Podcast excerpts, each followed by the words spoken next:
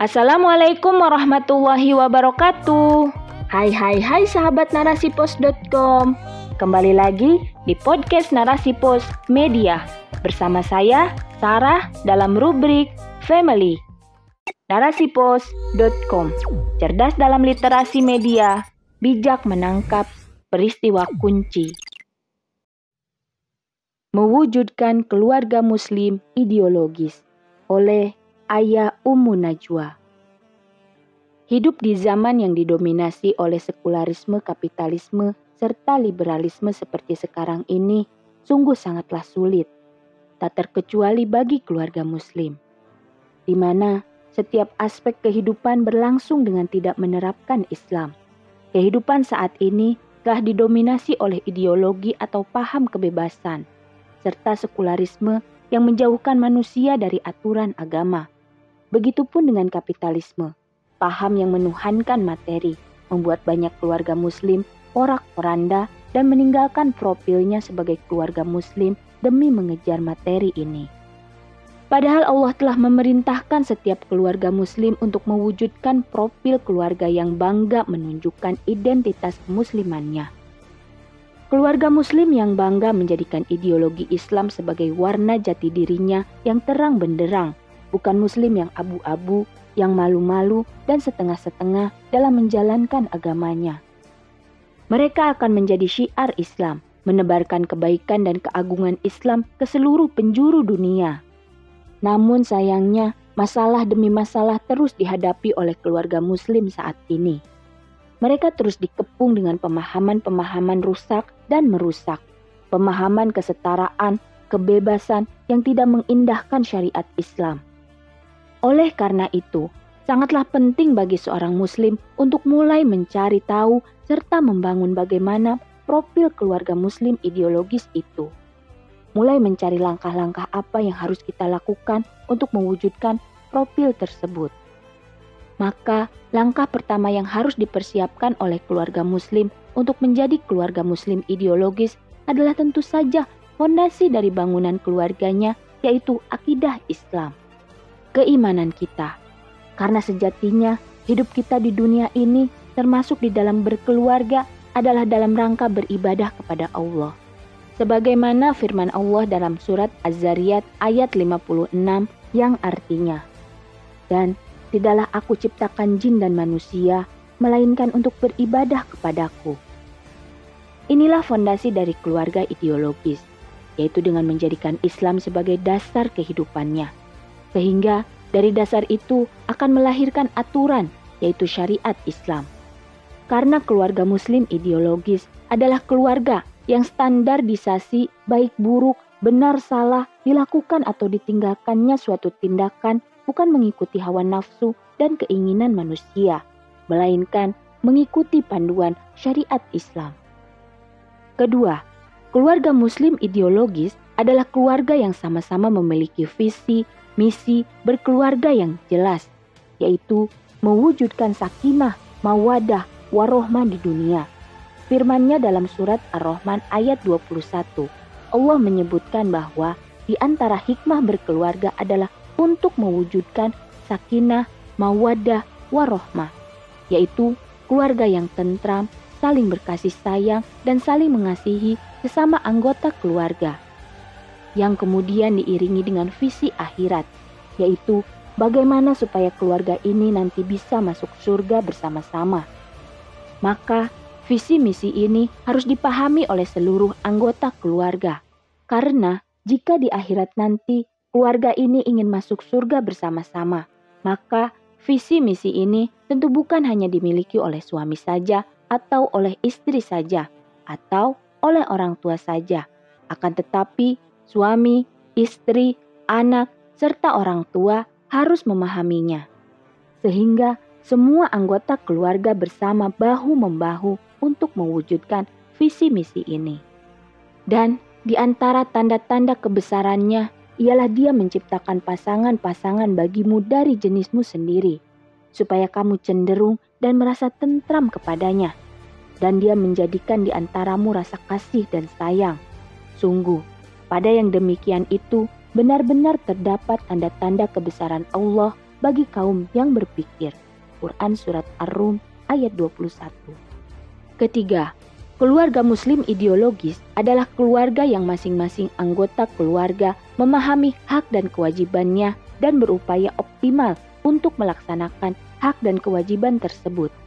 Akan tetapi, tentu saja hak dan kewajiban ini bukan berdasarkan hawa nafsu semata, namun memang lahir dari dasarnya, yaitu akidah Islam. Maka, pembagian peran dan kewajiban pun berdasarkan syariat Islam, sebagaimana Allah menyebutkan dalam Al-Quran Surah An-Nisa ayat 34, yang artinya, laki-laki, suami, itu pemimpin bagi perempuan, istri, sebab Allah telah melebihkan sebagian dari mereka, laki-laki, atas sebagian dari yang lain, perempuan. Dan sebab mereka, laki-laki, telah memberikan nafkah dari harta mereka, maka perempuan-perempuan solihah adalah mereka yang taat kepada Allah dan menjaga diri mereka dikala suaminya tidak ada, karena Allah telah menjaga mereka. Ketika suami diberikan tanggung jawab atau kedudukan sebagai pemimpin atas istri dan anak-anaknya, maka ini tidak dipandang sebagai ketidakadilan pada perempuan. Jadi, ketika suami memimpin, istri harus taat. Bukan seperti yang sekarang sedang terjadi dalam keluarga yang didominasi oleh sekuler, kapitalisme, atau keluarga moderat. Ketika ada perbedaan kedudukan dan peran, maka itu dianggap memuliakan satu pihak dan merendahkan pihak yang lain. Sehingga banyak terjadi gugatan oleh pihak perempuan karena merasa diperlakukan tidak adil. Padahal adanya perbedaan peran ini justru dalam rangka menuju kesakinahan agar dapat saling membantu dan bekerja sama. Maka setiap anggota keluarga ideologis harus memahami perannya masing-masing. Kemudian berupaya untuk melaksanakan peran itu dengan sebaik-baiknya bukan hanya seadanya. Suami berusaha menjadi pemimpin dan penanggung jawab yang baik. Istri akan berusaha untuk menjadi istri soleha yang menyenangkan suami. Ibu pendidik yang akan mengurus dan mendidik anak-anaknya.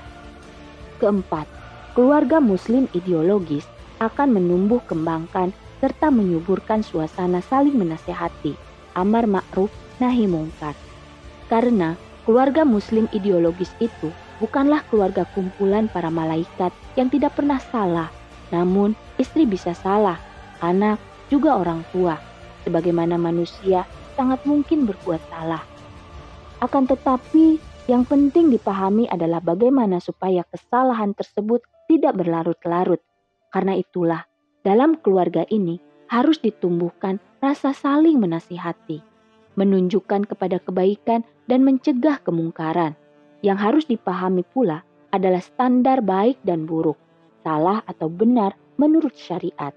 Jadi, dikatakan suami atau istri itu salah jika telah melanggar hukum syara di dalam berkeluarga. Kelima, bahwa suasana di dalam keluarga muslim ideologis itu bukan suasana persaingan, apalagi permusuhan. Istri dengan suami bermusuhan, anak dengan orang tuanya saling konflik, tentu tidak demikian. Akan tetapi, suasana yang dikembangkan adalah suasana fastabikul khairat, berlomba-lomba di dalam ketaatan dan kebaikan.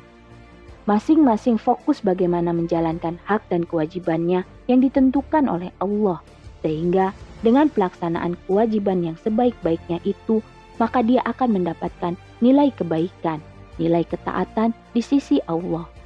Keenam, keluarga Muslim di ranah biologis bukanlah keluarga eksklusif, ia bukanlah keluarga yang fokus perhatiannya hanya untuk keluarga mereka sendiri, namun ia merupakan bagian dari masyarakat dan kaum Muslim yang lain, sehingga keluarga ideologis ini merasa terpanggil dan peduli kepada nasib kaum Muslim, yaitu masyarakat di sekitarnya. Ketika mereka melihat kemungkaran dan pelanggaran hukum syara di masyarakat, untuk itulah sangat penting dilakukan upaya pencerdasan dan dakwah di tengah masyarakat yang dilakukan oleh individu-individu yang lahir dari keluarga Muslim ideologis ini, sehingga kemudian lahirlah masyarakat yang juga ingin mewujudkan profil keluarga Muslim ideologis. Akan tetapi, hal ini saja tidak cukup, karena kehidupan bermasyarakat dinaungi oleh kebijakan-kebijakan institusi negara yang akan menerapkan program-program yang menerapkan kebijakan-kebijakan kehidupan yang sangat berpengaruh terhadap keluarga, seperti kebijakan pendidikan, ekonomi, peradilan, sosial, dan sebagainya. Maka ini akan berat dan sulit untuk menjaga keistiqomahan di dalam standar-standar keluarga Muslim. Maka harus dilaksanakan dakwah di tengah-tengah masyarakat agar ada kesadaran untuk mengubah dominasi sistem sekuler liberal ini, yaitu yang mempengaruhi kebijakan-kebijakan yang diambil oleh negara, sehingga kebijakan yang diambil oleh negara adalah kebijakan yang lahir dari akidah Islam, yang kemudian memunculkan sistem atau syariat Islam.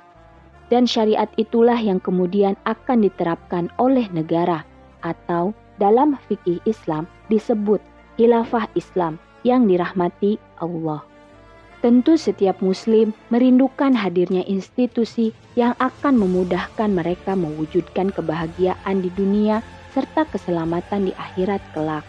Oleh karena itu, maka penting sekali untuk setiap individu muslim berdakwah. Maka penting sekali untuk setiap individu muslim berdakwah ikut berkontribusi dalam upaya mencerdaskan umat, supaya apa yang diterapkan di tengah-tengah masyarakat bukanlah keluarga moderat, tapi keluarga Muslim yang taat syariat secara kafah, keluarga Muslim ideologis yang akan membawa keselamatan dunia maupun akhirat. Wallahu a'lam bishawab.